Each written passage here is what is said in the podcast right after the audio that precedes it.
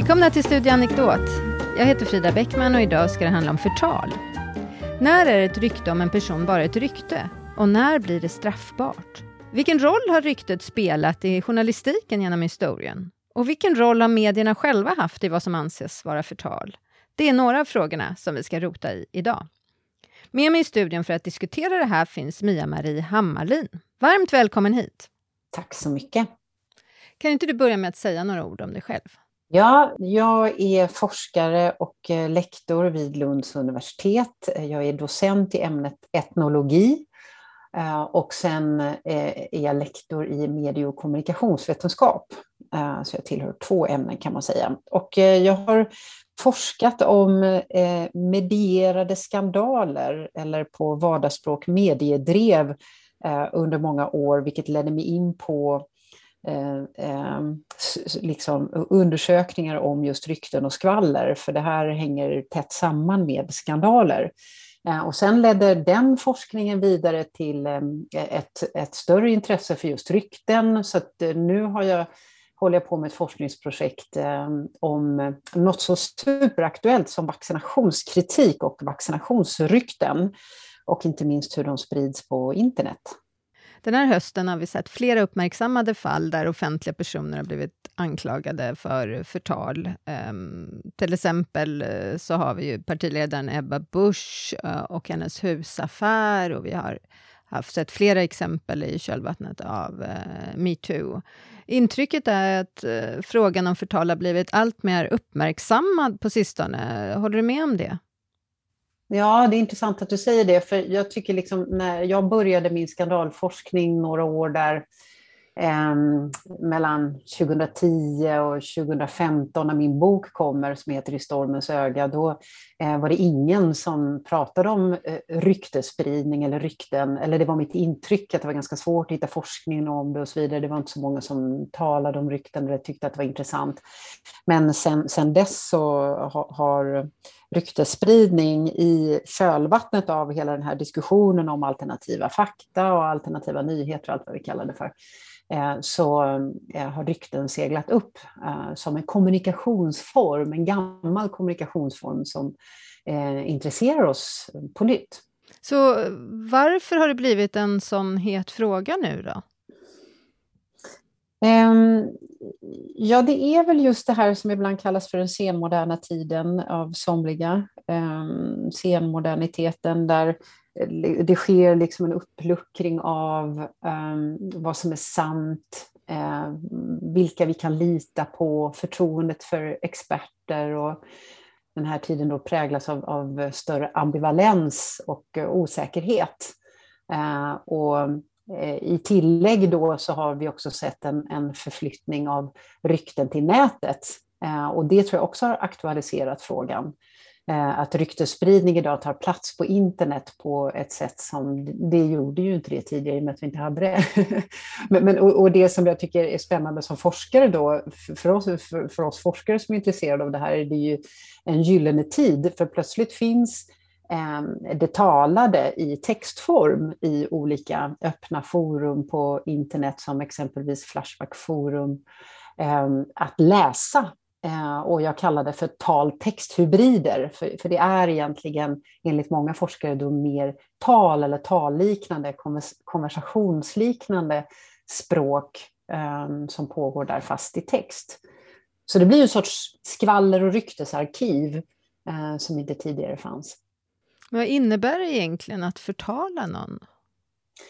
Ja, det är ju om, liksom, enligt brottsbalken då, så är det ju att man pekar ut eh, eh, någon annan som brottslig eller klandervärd i sitt leverne kan dömas för förtal. Alltså om, om jag säger att, att du är till exempel, eh, att du gör någonting klandervärt, någonting olämpligt i ditt liv. Eh, och om jag sprider den här uppgiften, och det är det viktiga då, att, att det räcker inte med att jag säger det här till dig eller att en annan person hör detta, utan om jag skulle skriva detta på Facebook till exempel eh, och i tillägg har många följare, men det krävs inte ens många följare, men det finns en spridningsvilja här, eh, då kan då kan du eh, eh, väcka åtal mot mig och, bara du kan göra det ifall att det ska bli ett förtalsmål om jag har förstått rätt.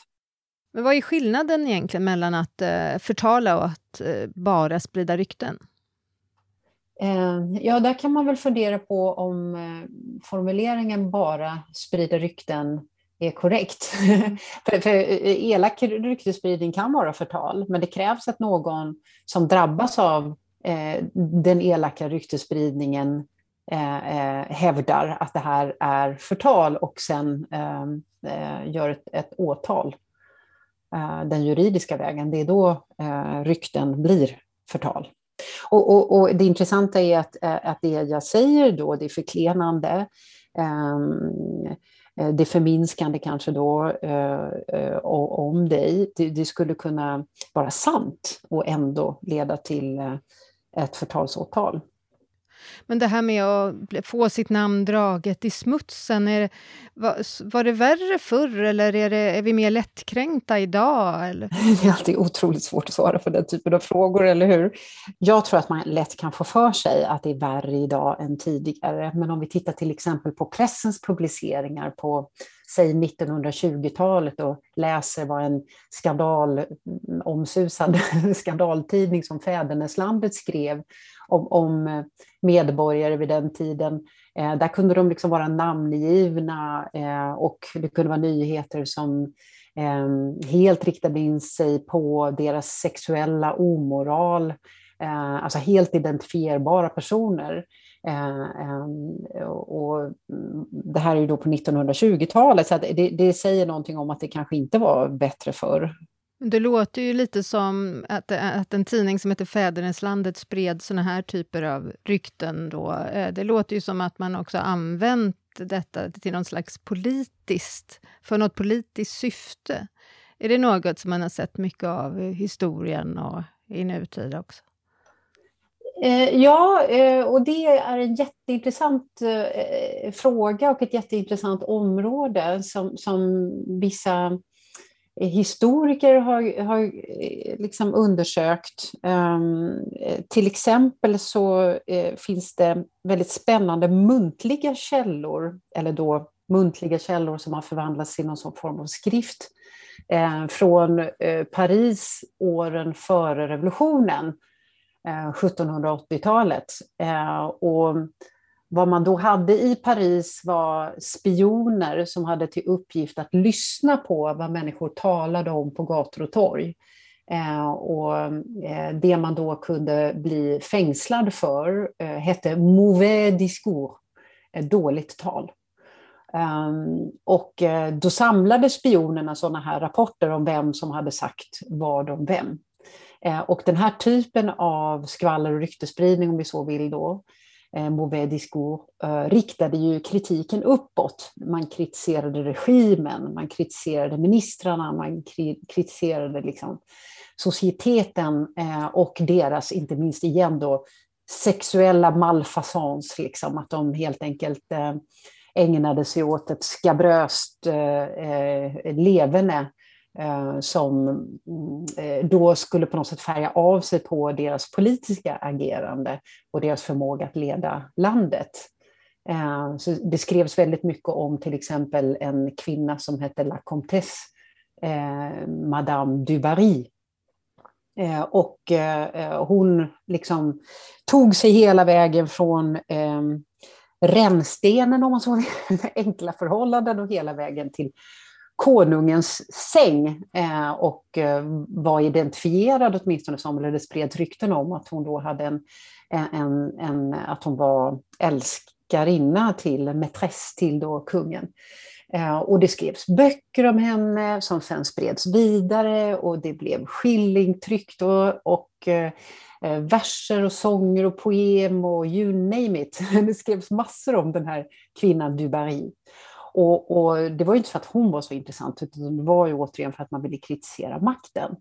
Eh, och eh, enligt, enligt somlig forskning då så intensifierades den här typen av eh, rapportering, om man så vill, då, eller nyheter under bältet. Alltså att det blev grövre och mer pornografiskt ju närmare revolutionen man kom.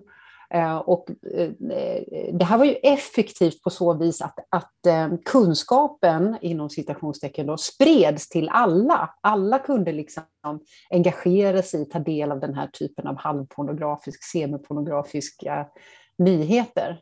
Och här, här var det liksom ett väldigt sammanhängande ehm, eh, system eller eh, ehm, en cirkulation av nyheter eh, från det talade som hette Novelist de Bush, eh, nyhet, nyheter som talades med munnen, eller journalister som spred nyheter med munnen, som, som hängde ihop mer eller mindre då med eh, Novelist à la main.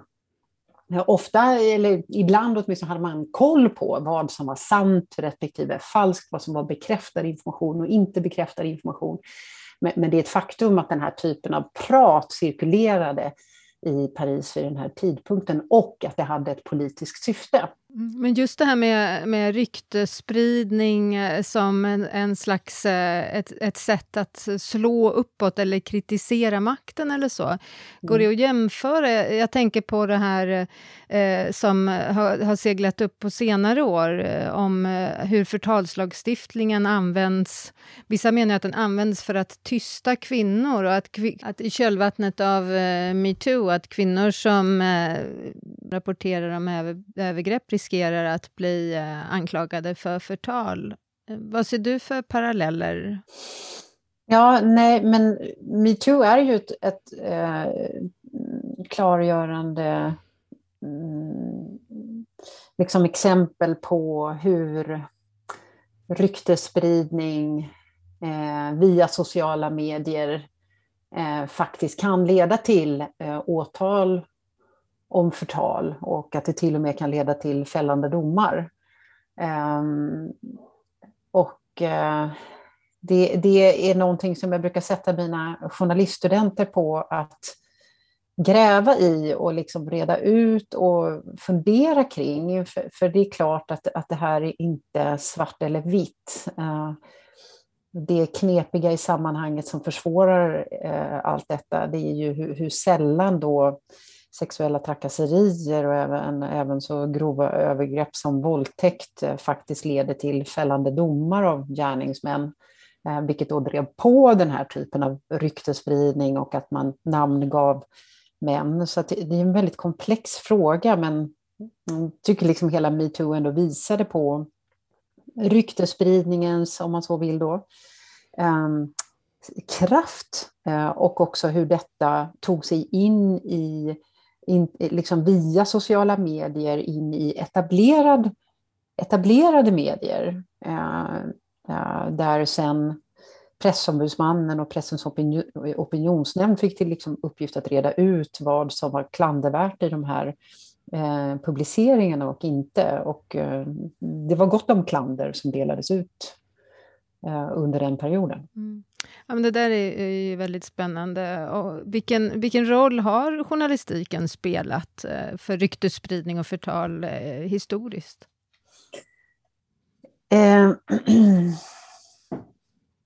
ja, om, om vi ser just det som jag är bäst på, eh, det som jag kan mest om just ryktesspridning, om vi liksom lägger förtal, lite, liksom tar förtalet sen då, men ryktesspridning skulle jag vilja säga att journalistiken är väldigt bra på att, att, att liksom underblåsa.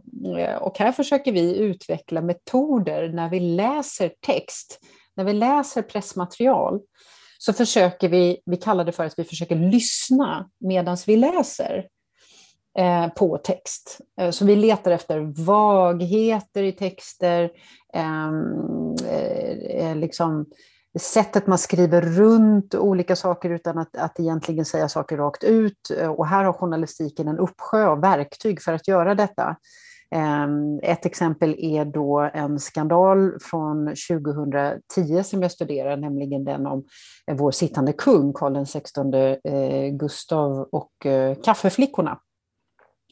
Och när den här boken kom, eh, som heter Den motvillige monarken eh, om hans majestät Karl XVI Gustavs eh, påstådda eh, eh sexuella affärer och partyliv och så vidare med sina vänner, eh, så skriver eh, pressen jätte jättemycket om den här boken dagarna innan den eh, publiceras och sen även dagarna efter att den har publicerats. Så det är en, en enorm snackis och det är roligt att det finns ett sådant ord också inom journalistiken. Det kallas för en snackis. Alla pratar om detta. Eh, och och då, skri, då skriver man hela tiden på det där sättet med distans, men samtidigt så Ehm, eh, återproducerar man då eh, vad som står i boken. Så man är skeptisk till boken, man distanserar sig från bokens källor på olika sätt eh, genom att eh, påvisa då att eh, eh det är anonyma personer som intervjuats och är de trovärdiga och så vidare, skriver man i kolumner och annat. Ehm, men sen i nyhetsrapporteringen eh, så låter det ofta sådär kungen ska ha gått på den här typen av fester. Eh, enligt uppgift ska kungen ha eh, varit på eh, de här nattklubbarna. Eh, enligt boken ska kungen ha. eh, enligt rykten kan det till och med stå. Enligt rykten ska kungen ha haft en relation med Camilla Henemark och så vidare. Så den här typen av vagheter i, i, i de här mm, Eh, journalistiska texterna tycker vi är väldigt intressanta och här, här, övar vi oss i att försöka höra det som skrivs, vilket är sannerligen ingen enkel uppgift. Eh, det måste ju vara en, ett, en, en hårfin gräns ibland, det där med att hänvisa till rykten, för så fort man gör det, även om man eh, erkänner att det är rykten, så är de ju ändå ute i offentligheten på något vis. Mm, visst är det så. Och sen, sen, har ju rykten generellt kanske lite väl dåligt rykte, som någon smart forskare formulerade som, jag tror att det var Lars Nord. eh, eh, liksom för, för rykten kan vi behöva lyssna på. Eh, eh, rykten kallas ibland för det äldsta nyhetsmediet. Eh, och har funktionen av väckarklocka, brukar, brukar man skriva liksom i forskningen. Plingelingeling säger det, som en varningssignal, att någonting är på gång, någonting händer. Eh, jag behöver förhålla mig till den här varningsklockan och behöver orientera mig utefter den. Eh, så den, eh, man brukar säga att ryktet orienterar oss snarare än informerar oss. Eh, eh, men, men sen är det ju ett faktum också att en eh, elakt skvaller eller ryktesspridning kan skada människor. Det kan förstöra karriärer och så vidare. Jag tycker att ett, ett bra exempel här är det ryktet som spreds, eller flera rykten som spreds om statstjänstemannen Lars Danielsson under tsunamikatastrofen. Vad man egentligen letade efter under flera års tid var en syndabock och han kom att tillskrivas den rollen kan man säga. Eh, så, och, och, och, till och med under en period under en rapportering som gick upp och ner, en skandalrapportering kan man väl kalla det för, som gick upp och ner under flera år på grund av utredningar etc. Eh, så spreds faktiskt ryktet om att han hade en älskarinna där hemma hos sig på juldagen och att det var därför eh, som han inte agerade tillräckligt snabbt. Eh, och det ryktet om en älskarinna var ju förklenande. Det, det var dessutom en, en, kvinna som utpekades som jobbade sida vid sida med honom, en kollega helt enkelt, eh, som också drabbades av det här ryktet naturligtvis. Eh, och, och, och, det var ju bara till för att skadeskjuta honom, så att säga. Det fanns inget annat skäl till att det skulle spridas på det sättet som det gjordes. Och, och då eh, spreds det först genom en blogg Ehm, som var stora då. Och sen så, eh, och det här är 2004, 2005 och så vidare framåt. Eh, och sen så spreds det vidare även till traditionella medier, till kvällspressen, Expressen framförallt. Eh, och, eh, men det kommenterades till och med i Ekot. Eh, och då hette det att eh, de här anklagelserna tillbakavisades å det bestämdaste och så vidare. Men det säger någonting om ändå hur, hur långt ryktesspridningen ehm, tog sig, eh, att det tog sig in till och med på public service, att man där kände sig då tvungen på något sätt att eh, eh gå ut med den här nyheten om att ryktena tillbakavisades. Det, det säger någonting om, om ryktets kraft. Eh, och här, här menar Lars Danielsson som jag intervjuat att det fanns ett skaderekvisit, så att säga. det fanns anledning till att se det som, som förtal. Eh, men då var frågan ändå sådär, hur visar du på en relation som du inte har haft? Hur, hur kan du bevisa att mejl inte har skickats, att telefonsamtal inte har ringts? Liksom? Så även om det fanns eh, en, eh, en skada så att säga som hade uppstått eh, så på grund av, av den här ryktesspridningen eller förtalet då, så, så ledde det aldrig till, till ett åtal. De fall vi har sett mest av eh, på senare tid handlar ju om eh, förtal eh, mot specifika personer. Men är det så att eh, tidningar och, andra medier också har blivit ehm, dömda för förtal? Ja, det finns ehm, absolut eh, exempel på detta. Och e-, ett känt exempel är, tror 2003, när Expressen skriver om Gudrun Schyman Eh, rörande en dokumentärfilm som hennes före detta man gjorde, eh, som var en RFSU-film, tror jag det är. Eh, och då är eh, liksom löpsedeln där och, och även framsidan av, av tidningen eh, så står det bara Gudrun Schyman, kolon, man ska bli kåt. Uh, och, det är ju intressant ändå att, att den här förtalsrättegången som pågick länge och sen ledde till fällande dom faktiskt också påverkade eh, chefredaktören för Expressen vid den tiden, eh, Joakim Berners karriär i, i liksom negativ riktning, när han talat om i efterhand också.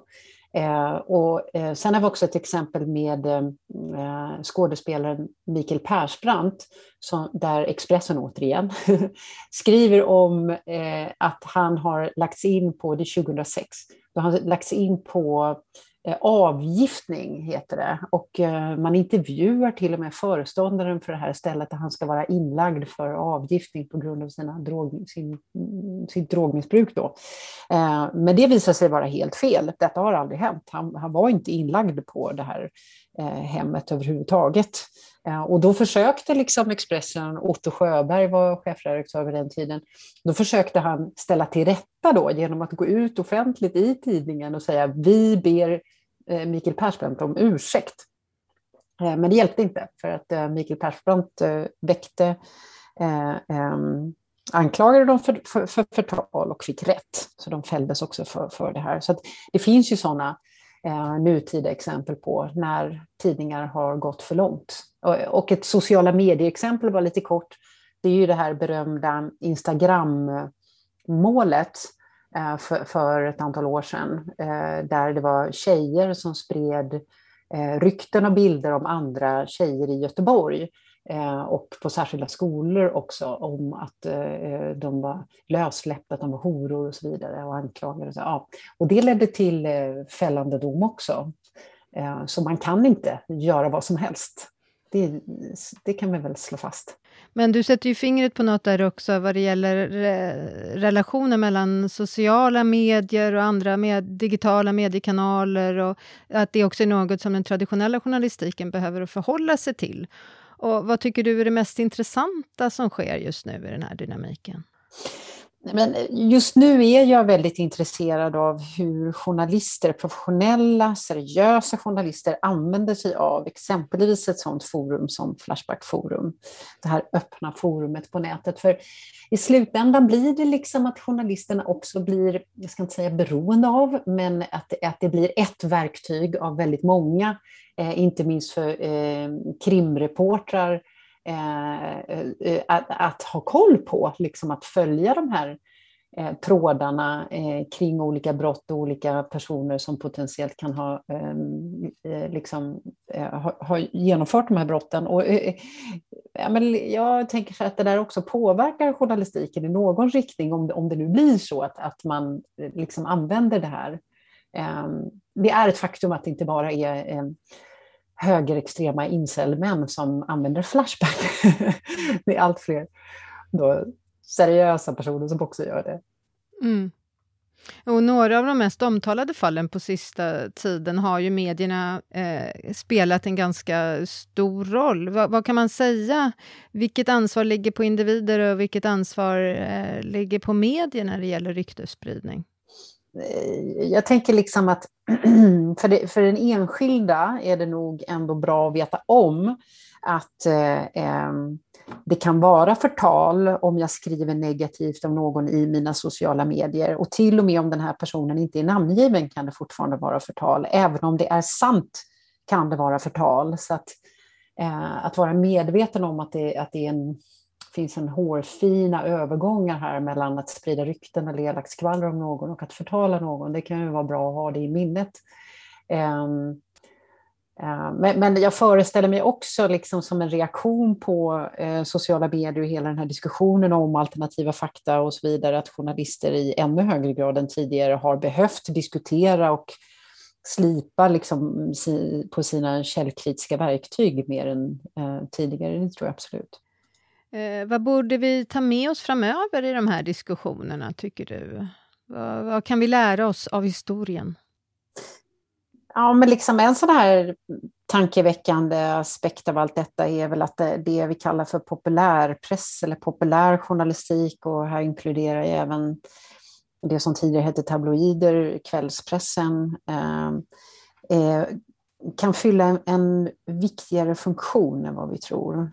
Eh, den här lite hårdföra, raljanta, tuffa stilen som liksom Aftonbladet och Expressen till exempel står för, representerar i jämförelse med andra eh, etablerade tidningar. De har liksom en funktion och, och det har de även historiskt sett om man tittar på det. Liksom att det var ehm, eh, frågor om allt från liksom just eh, makt och eh, maktutövandets gränser och även sexualitet och andra känsliga ämnen har liksom diskuterats i just den här typen av organ. Eh, så ibland kan jag tycka att eh, kvällspressen har lite oförtjänt dåligt rykte. Så det är en tanke som jag ändå mm, arbetar med just nu. Jag är lite nyfiken på frågan också om vad som är eh, ett sätt att skydda sig från förtal och vad som är eh, etik. För där verkar det mm. som att vissa, som till exempel public service, ofta avstår från att nämna namn även när namnen sedan länge är namngivna i andra medier. Och där får jag intrycket av att det snarare handlar just om ett etiskt ställningstagande mm. eftersom namnet redan är... Nej, men och, det, och det är ju etiken som i hög grad styr vad de traditionella medierna, de etablerade journalisterna gör till vardags. Det är ju inte, de sitter ju inte med lagboken i handen, men däremot är de etiska reglerna någonting som de hela tiden arbetar med och diskuterar på redaktioner, så det är helt tydligt på det sättet. Numera har vi ju alla en eh, medieplattform där vi kanske eh, lite snabbt lägger ut, eh, inte alltid så genomtänkta mm, kommentarer. Vad tror du det här kommer innebära för oss framöver? En, enligt en forskare, John B. Thompson, sociolog som skrivit mycket om medieskandaler just, Eh, så, så, kallar han den här tiden vi lever i för the time of self-disclosure, självutlämnandets tid. Eh, och han identifierar det som en sårbar tid för alla. Eh, och jag avslutar min bok med liksom tanken om att vi alla kan behöva slipa på vårt försvarstal, skriver jag. Därför att vi alla potentiellt, potentiellt skulle kunna vara, bli utsatta för skvall, elakt skvaller, ryktesspridning, förtal som, som kan eskalera till en skandal. Det behöver inte vara en eh, känd politiker eller så för att eh, vara med om något liknande idag. Utan, och, och man skulle kunna se det som en slags förtalets demokratisering. Vem som mm. helst kan bli förtalad eller förtala via Facebook eller andra sociala medier idag. Eh, en annan sak som är relaterad till detta är ju, eh, och som intresserar mig, det är hur det här pratet, elakt skvaller då exempelvis, ligger kvar där ute. Ehm, att eh, det finns, det finns liksom skvaller i en sorts digitala arkiv och det blir verkligt och evigt på något sätt genom de här arkiven. Och Eh, vissa jag intervjuade för min bok liksom sökte hela tiden sig tillbaka till de här digitala arkiven för att leta efter informationen om sig själva om och om igen. Eh, och då blir det nästan som en existentiell eh, fråga, den här, den här en, en slags existentiell ångest liksom, som rör den här, det här livet, det här talet, pratet som bara finns där ute och som jag inte kan påverka. Jag kan inte ta bort det, jag kan inte radera det. Jag får liksom bara leva med att det finns där ute. Um, det, det, det, tyder på en, en, en sårbarhet i den digitala tiden, tycker jag. Tack så hemskt mycket Mia-Marie Hammarlin för att du var med här idag och diskuterade förtal med oss. Tack så mycket för att jag fick vara med. Och tack alla ni som har lyssnat. Eh, vi är snart tillbaka med ett nytt avsnitt.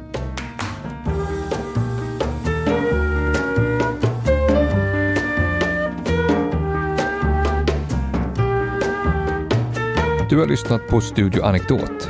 Samtalsledare var Frida Bäckman, redaktör Anna Frykholm och producent Magnus Bremmer. Mer information om podden och gästerna hittar du på anekdot.se.